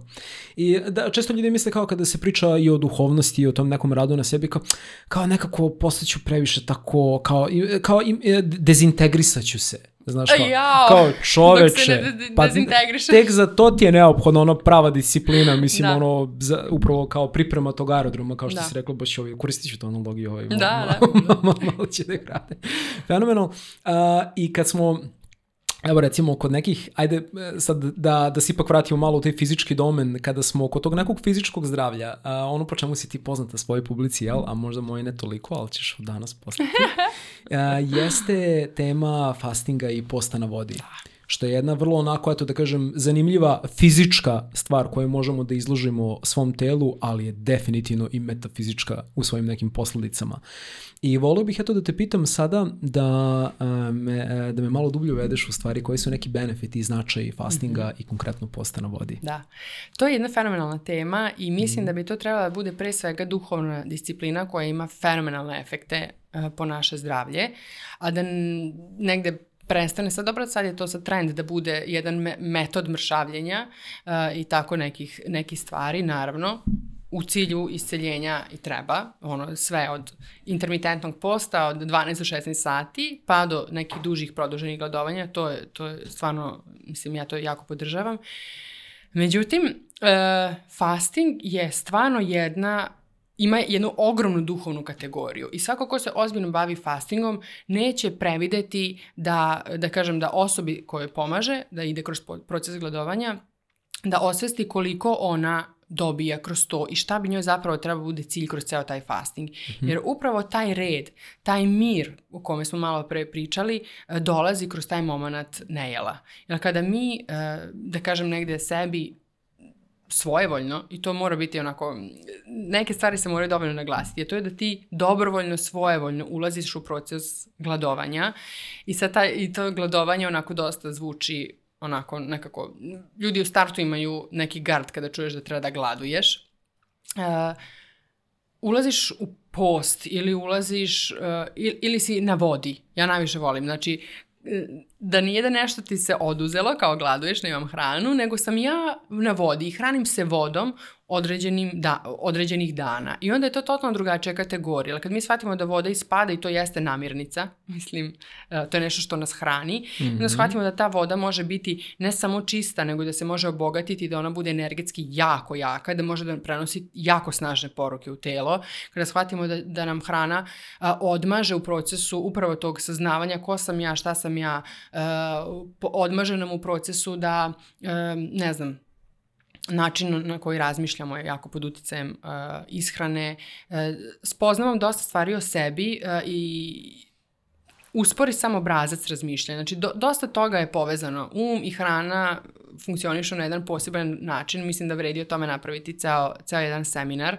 U suštini, zato što e, mnogi hormoni i mnogi neurotransmiteri nastaju upravo u našim crevima i to ljudi, mislim, to je jedan deo gde bih ja voljela možda da se lekari više aktiviraju o tome ne, a o tome najviše pričaju nutricionisti, na primer, umesto da ljudi koji, mislim, da kažem, koji jesu se školovali ili su čak specializirali stvari koje se tiču, na primjer, našeg probavnog trakta, da, da ne mhm. pričaju o tome, to mi je onako malo žao zbog toga. Uh, kolika je ta veza između mozga i kolika je ta veza, veza između mozga i creva toliko neurotransmitera, to, toliko hormona koje nastaju u crevima, koji kada mi uh, ne jedemo, to kreće, takva regeneracija, to kreće takvo čišćenje, odjednom uh, mi stvarno mislimo kao da, kao da se ne znam nija šta dešava u našem telu. Ja, ja mislim da je gladovanje mnogo, mnogo je jači efekat na telo uh, od bilo kog uh, sredstva za detoksikaciju. Mm -hmm. Da li je u mhm. pitanju neki antiparazitarni program ili je samo zeolit ili je u pitanju ne znam šta bi više mogli ono kao celer za, za detoks, mnogo više beneficija ima kada samo prestanemo da koristimo hranu i kada smo na vodi. To uvek podrazumeva da smo mi u jednom psihoemocionalnom procesu i to nikako čovjek ne treba da zaboravi. Znači, prvo kreću čišćenja, uh, kažem, ajde, mislim, ljude najviše zanima šta će dobiti na svom kao fizičkom delu, šta će se sve pročistiti, očistiti i naravno hoće, a, ali koliko tog mentalnog sadržaja izlazi tada i, za, i,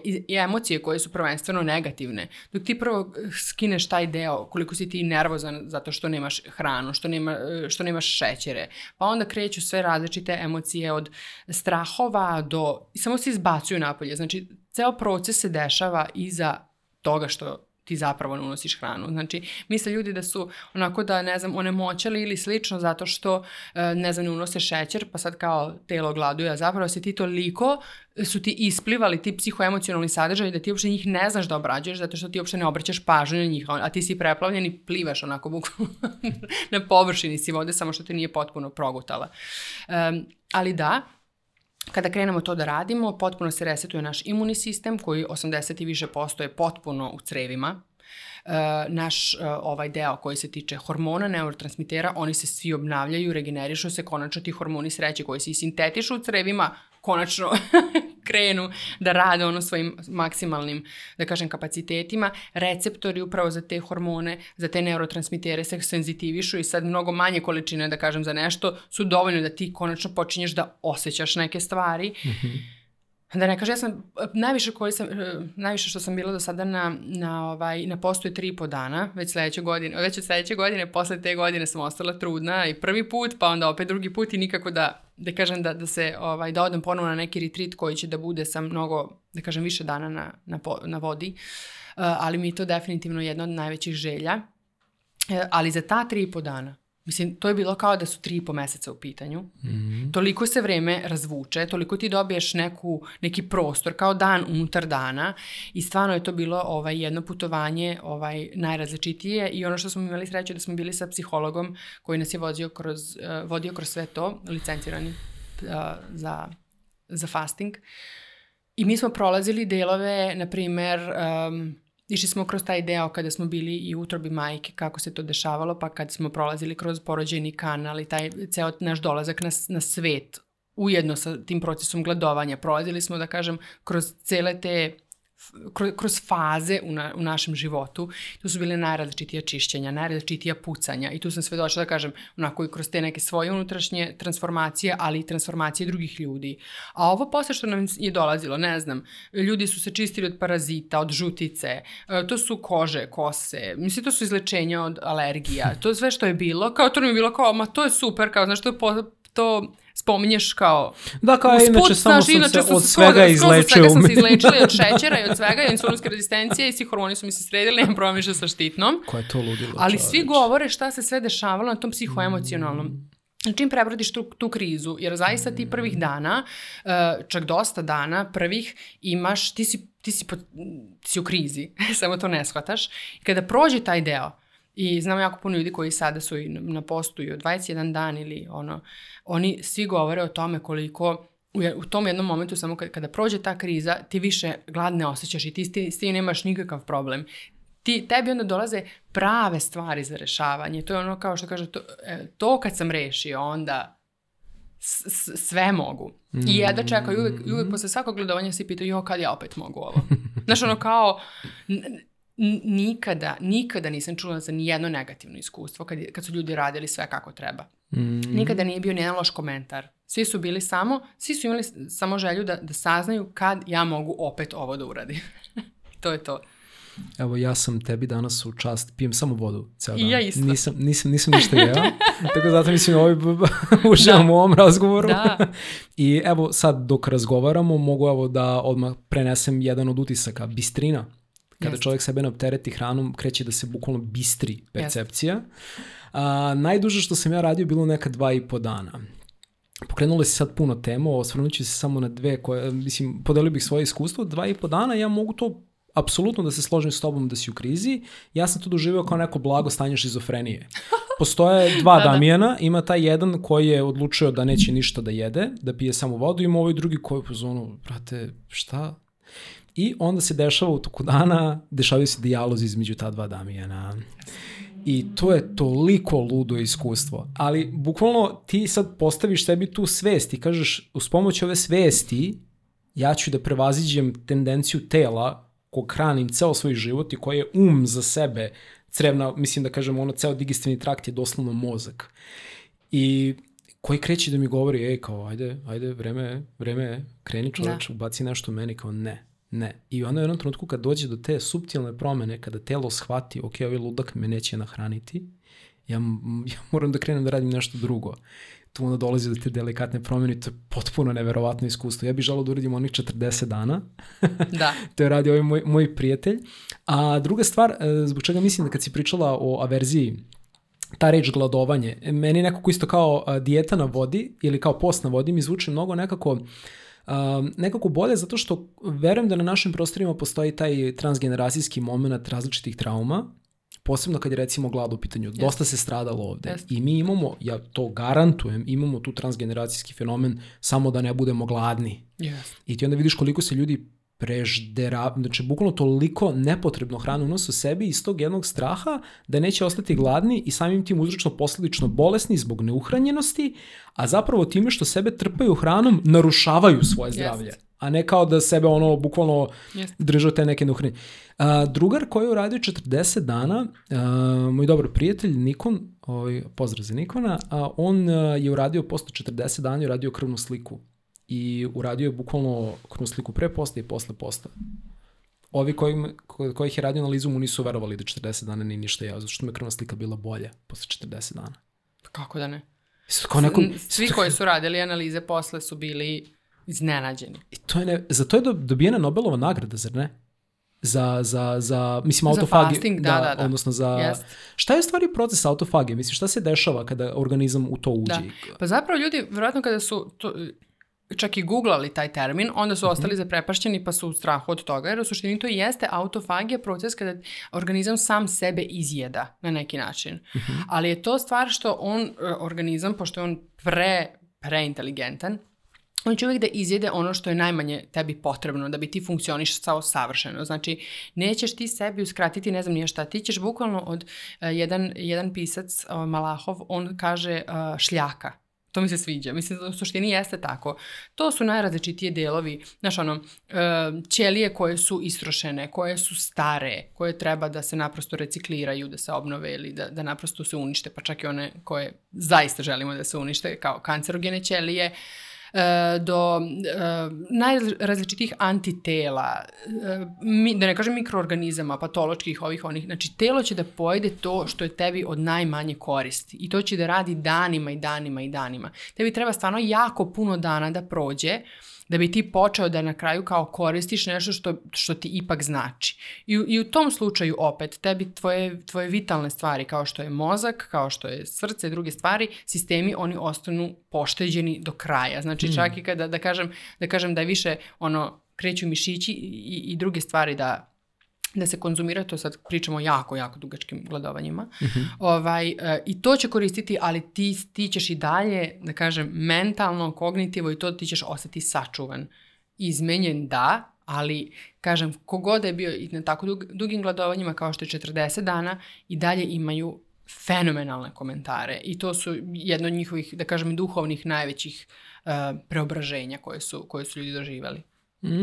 Ba da, baš sam pričao s njim, o, pošto on eto igrom slučaju živi pri manastiru i baš je pričao kako su, čitajući te neke stare svete spise, kako su se ti sveci u istoriji zapravo povlačili, uzdržavali od hrane upravo da bi mogli da se otvore tim nekim višim yes. uticajima. Doslovno yes. svoje telo ne opterećuju. Yes. Um, I to je, to je baš, uh, baš zanimljiva tema, ali da li postoje generalno neke kontraindikacije u smislu kada recimo neko ne bi smeo to da radi? Znaš zašto te pitam? Jer neko će poslušati sad ovo, ne samo ovu epizodu. Internet je postao super korisna alatka, ali potencijalno i vrlo destruktivna. Da. Zato što ljudi pogledaju nešto, dopadne im se neka ideja, ajde idem ja odmah da ne jedem 40 dana. Uh, šta bi stvari dala kao neki preventivni savet koji može ljudi da sačuva od potencijalno toga da mogu da oštete svoje telo i organizam? U smislu kada neko ne bi trebao možda da radi fasting ili koje bi bile potencijalno neke kontraindikacije u određenim slučajevima kada neko u to ulazi, a nije pripremljen. Da. U suštini ako ste zdravi, ako ne mislite za sebe da imate neki veliki problem sada, onda preporučujem, znači sami možete da istražujete do neka 72 sata da ne jedete. To Aha. već možete s tim da budete komotni u tome ako ste zdravo uhranjen čovjek, da kažem, koji ne bi rekao za sebe da ima neki problem. Ali već ukoliko imate neki, neki jači problem sa šećerom, na primer, ili ako imate, znate da imate u deficitu ste sa nekim hormonima, vitaminima, mineralima, znači to je isto ako već vidite, na primer, nekad ste radili neku krvnu sliku pa da ste u deficitu s nekim vitaminom, mineralom i tako dalje, Ako imate problem sa kilažom, uh, svakako u onom kontekstu da ste uh, neuhranjeni, znači tad se, tad se gledovanje ne rade. Nikada ne bih savjetovala da neko ide u produženi post, znači preko 72 sata, da se ne konsultuje sa lekarom i da nije vođen. Kažem ovde kod nas, um, zaista ne znam, ja nekako uvek gledam, gledam preko šta rade ljudi, mm -hmm. ovaj, uh, ali uh, Obično se produženo gledovanje rade u institucijama. Znači ili su to zatvoreni neki rezorti gde, gde je to neki kao wellness, neka wellness priča ili su baš uh, centri kao zdravstveni centri i tu se rade ozbiljna, uh, ozbiljna gladovanja, pogotovo s ljudima koji već imaju znači, neki jasan, konkretan medicinski problem. Znači, to je najbezbednija stvar. Ovako, uh, do 72 sata, da kažem ljudi koji su ih slušali ovaj podcast ili slično mogu da, da se interesuju i da ovaj uh, i da se kažem, da, da kažem negde da se sami osmele u sve to. Svejedno, i za ta 72 sata postoje određene stvari koje trebaju da se rade i koje moraju da se rade, da vam ne bi pozilo i svakako ako imate diabetes, pogotovo diabetes tip 1, pošto ima ljudi koji sa tim žele da gledaju, morate da se savjetujete sa lekarom. Znači, treba ljudi da preduzmu, da, da uzmu, da kažem, odgovornost u svoje ruke, zato što kao što sam ja ovo, kao što ja sad ovo pričam, mogu da nađu još 101 stvar na internetu, ne znači da je za vas to nešto. -hmm. Znači, budite za sebe odgovorni, niko vam posle nije kriv. Znači, pre nego što na neko veće gledovanje ili bilo koju, ne znam, stvar da želite da uradite tako nekako radikalno drugačiju od inače ovaj, vaše dnevne rutine, posavetujte se sa lekarom. Šta je sa vodom, recimo za ljude koji žele da budu postna? Kakvu, mislim, da li neka, pošto sad recimo razmišljam, hoćeš u svoj organizam da unosiš samo vodu. Da trebalo bi da bude što bolja kvaliteta, jel? Jeste. Kao, ka, kako, s obzirom da ova voda koja stoji po ovim plastičnim flašama, pričali smo o onim kristalima da. i tako dalje, mislim, voda koja stoji u magacinima, u mraku, plastici je znatno drugačija yes. od sveže vode. Yes. A, da li bi tu dala neki savjet, mislim, kao koja, gde nabaviti tu neku vodu bar za ta tri dana ili bar oplemeniti tu neku vodu koju ima u plastičnim flašama, kako da. pripremiti, zato što pa, mi, mislim da se ne priča dovoljno o tome, nego koja je samo smo na vodi, da. ali zapravo ta vodna da Ne, voda mora da bude, neki čak koriste i destilovanu, Aha. Uh, a uh, najbolje da imate tako dobar prečišćivač vode. Znači, ko, i, i da zaista ovaj, ta voda bude posle u staklenim bocama, da se energizuje na različite načine, da li će biti u nekom okruženju kristala, da li će biti jedan određeni period na suncu, ali da ta voda bude bukvalno živa voda u pravom smislu te reči i da unosi svetlost i život u telo, a što ti kažeš ne ono, uh, bukvalno te mikro, kako se to, ovaj, e, mikrodelove plastike ili, mm -hmm. ili takve neke poruke drugi organizam. Da, toliko tema. Da, da, Ove, da. Sad sam, znaš, ono sad kao da li, kreć, da li krećemo endokrinim disruptorima, a ne, ne, ne, prestani kao, ne, ne, ne. Volao bih jednom prilikom da napravimo, pošto to smo najavili sad u ovoj epizodi o sponi uh, hrane i našeg uma, odnosno kako hrana Jest. utiče na našu psihu i to je baš, mislim, tema koja onako zaslužuje jednu celu posebnu epizodu. Uh, ako si vojno u nekom trenutku, baš mi je bilo Uvijek. veliko zadovoljstvo. A sad kako polako privodimo kraju ovo, a, volio bi da nas uvedemo onako polako u mir sa tom jednom završnom temom, a to je meditacija. S obzirom da si još sa sedam godina bila inicirana, ako se ne veram, u transcendentalnu da, meditaciju. Da, da. Uh, kako bi ti, mislim, šta, koliko, koliko ti je zapravo ona značila u životu, kako bi opisala tu praksu i šta za tebe u stvari predstavlja postupak meditacije, da. odnosno proces? Pa ona mi je mnogo značila jer uh, sam taj deo, kad sam ja zavolela tu meditaciju. Zašto sam uopšte kao devojčica i pristala da kažem na tako nešto ili to mi je bilo zanimljivo? E, zato što su zapravo ti ljudi koji su meditirali, pošto sam ja kao devojčica njih posmatrala i gledala i sestre ja sam bila zadužena, znaš, ono da budemo ono zvonce na kraju meditacije. Da mi tako sedimo. Jao! Da, mi tako sedimo i posmatramo njih. u CV-u. da, da, da, da. Zvonce. Zvukala. Odlično. E, I onda tako mi posmatramo sve te ljude koji su toliko blaženi. Naravno, energija te prostorije je toliko mirna, mi smo ono samo što nismo zaspale otprilike. Mm-hmm. I onda je naša, ovaj, ali mi imamo naravno tu jako bitnu ulogu da zvonimo zvoncem na kraju meditacije i to stvarno onda posle oni dele svoje iskustva i svi su tako blagi, svi tiho pričaju, svi su, na, naš, osjećaš i, i, i, i svedočiš tom nekom totalno drugačijem svetu, za razliku od tamo s polja gde je uvijek galama i uvijek su neki problemi, uvijek su ljudi nervozni i nekako energija je totalno napeta, a oni su mm-hmm. skroz nekako kao da nisu sa ovoga sveta. I, ovaj, I nama je ovaj, uvek bilo tako kao, oni su bili nekako naš uzor u tako malim, malim godinama i to mi je drago, eto što, što sam svedočila takvim ljudima i onda kada su oni delili svoje priče, da li ovako u grupnim sesijama ili kada ovako sedimo svi za stolom pa pričaju, to su ljudi koji su, kako da kažem, uvek bili pobednici nekih priča. Da li to neke zdravstvene situacije? Obično jesu zdravstvene situacije, e, nažalost i dalje su to situacije koje ljude pokreću na velike promene u životu. Mm. Ali ili su to opet neke druge traume ili gubici ovaj, kroz koje su prevazišli i oni su nekako našli u tome mir. I opet su bili, kako da kažem, opet su pobednici u, u životu i, i, i život je na njihovoj strani i nisu odustali i to je meni uvek bilo kao, ok, ovo, ovo je definitivno mora, zato što da li postoji nešto bolje od toga. U suštini, naravno, to je bio jedan njihov alat, ali sam ja žela da budem isto tako deo toga.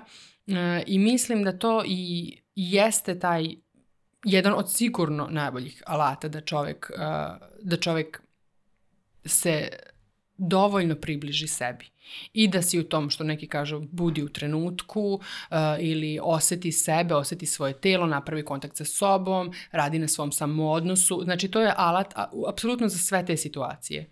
Onako, ne, ne znam za šta ne bi bilo. Ili kad ovaj, Čak ako neko kao možda kaže pa ne bolje da se moliš nego da si meditaciji, ali ti kroz meditaciju, ta jedna tvoja misao koja bi bila toliko plemenita ili išla u tom smeru molitve, ona ima deset puta jaču moć nego da ti sediš i da ovako kao uh, brzalicu da ovaj brojiš, pričaš neke reči, eto tako, zato što one, one spadaju u neku klasičnu molitvu.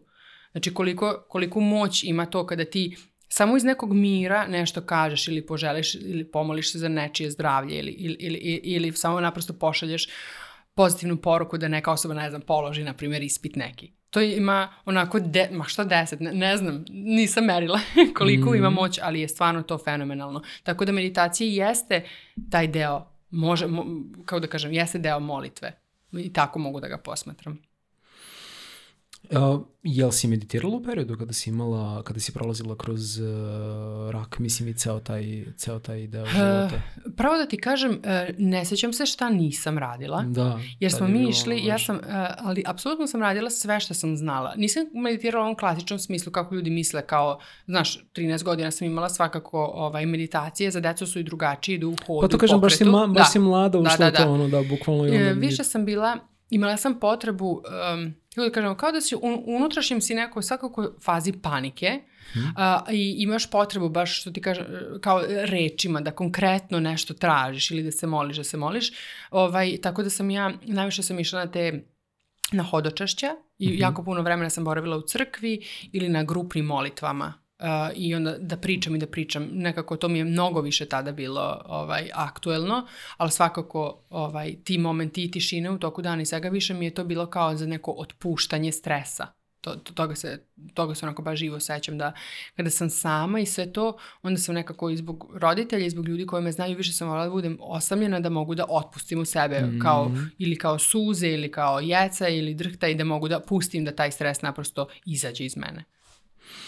I sad kad smo pokrenuli temu meditacije, setio sam se isto jedne jako lepe analogije koje sam dobio kad pričamo o, o potencijalnoj ono, ambiciji i svrhi meditacije, kao da imaš kofu, evo sa vodom koju smo isto pominjali, koji isto postoji pesak i naše prosečno stanje je mutna voda. Kada meditiraš, bukvalno samo staviš kofu, ona se smiri i pesak se spusti dole i ostane Jest. bistra voda. Jest. I to je zaista, mislim, onako jedna od, od, od lepih svrha. A Jeste. ovaj, na, nadam se da je ova epizoda Jeste. donela malo bistrine. Jeste, i ovaj, mislim u stvarno da jednom ko nije probao, bar- i- Da, da.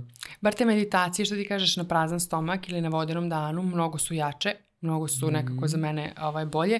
Naprimjer, evo baš i sad, uh, i danas sam isto odlučila da neću da jedem, bar ovaj, mislim, uh, i pre ovog uh, intervjua, zato što znam da ću, na primjer, uh, mnogo više ću biti tu prisutna, mnogo više ću da zapravo ću biti usporenija i moj tok misli će biti potpuno drugačiji nego da sam pojela bilo šta, koliko god da je zdravo. Jer ja imam tu tendenciju da jako brzo pričam kad, me, kad je neka moja tema, onda hoću što više toga da kažem ili, ili naš, da se razmenimo sa, sa pitanjima i odgovorima, ali sam sad znala da ukoliko, na primjer, ne budem jela, da ću, da ću potpuno imati ovaj, onako da ću imati jednu dozu većeg mira nego što inače imam, kao. Tako da, zaista i te meditacije, mislim, mislim da ti vodeni dani stvarno treba da budu onako praksa. Ja preporučujem obično da budu bar subotom, ja, ili, ili ponedeljkom na tim nekim danima kada, kada zaista mislim da je potrebno e, da imamo više mira u sebi. Eto, obećam i ja ću danas da ostanem na vodi do kraja dana. Lepog povoda, a eto i vi svi koji ste ostali s nama do kraja ove epizode, a u slučaju da niste jeli, probajte da izdržite i vi zajedno s nama. Tako da, ovaj, Mona, što da kažem, hvala ti, hvala ti puno za, za ovu razmenu. Baš, baš mi je bilo drago, otvorili smo toliko tema i nadam se, kažem, da ćemo u nekoj skorijoj budućnosti malo još neke da razradimo. Fenomenalno. Hvala ti na svemu što Hvala. radiš. Hvala i tebi i radujem se. Nema na čemu. Hvala svim vama koji ste ostali sa nama do kraja. Pite vodu, čistite se ovaj, i mi ćemo zajedno s vama i vidimo se uskoro u nekoj od narednih epizoda Kosmičkih putnika. Ćao!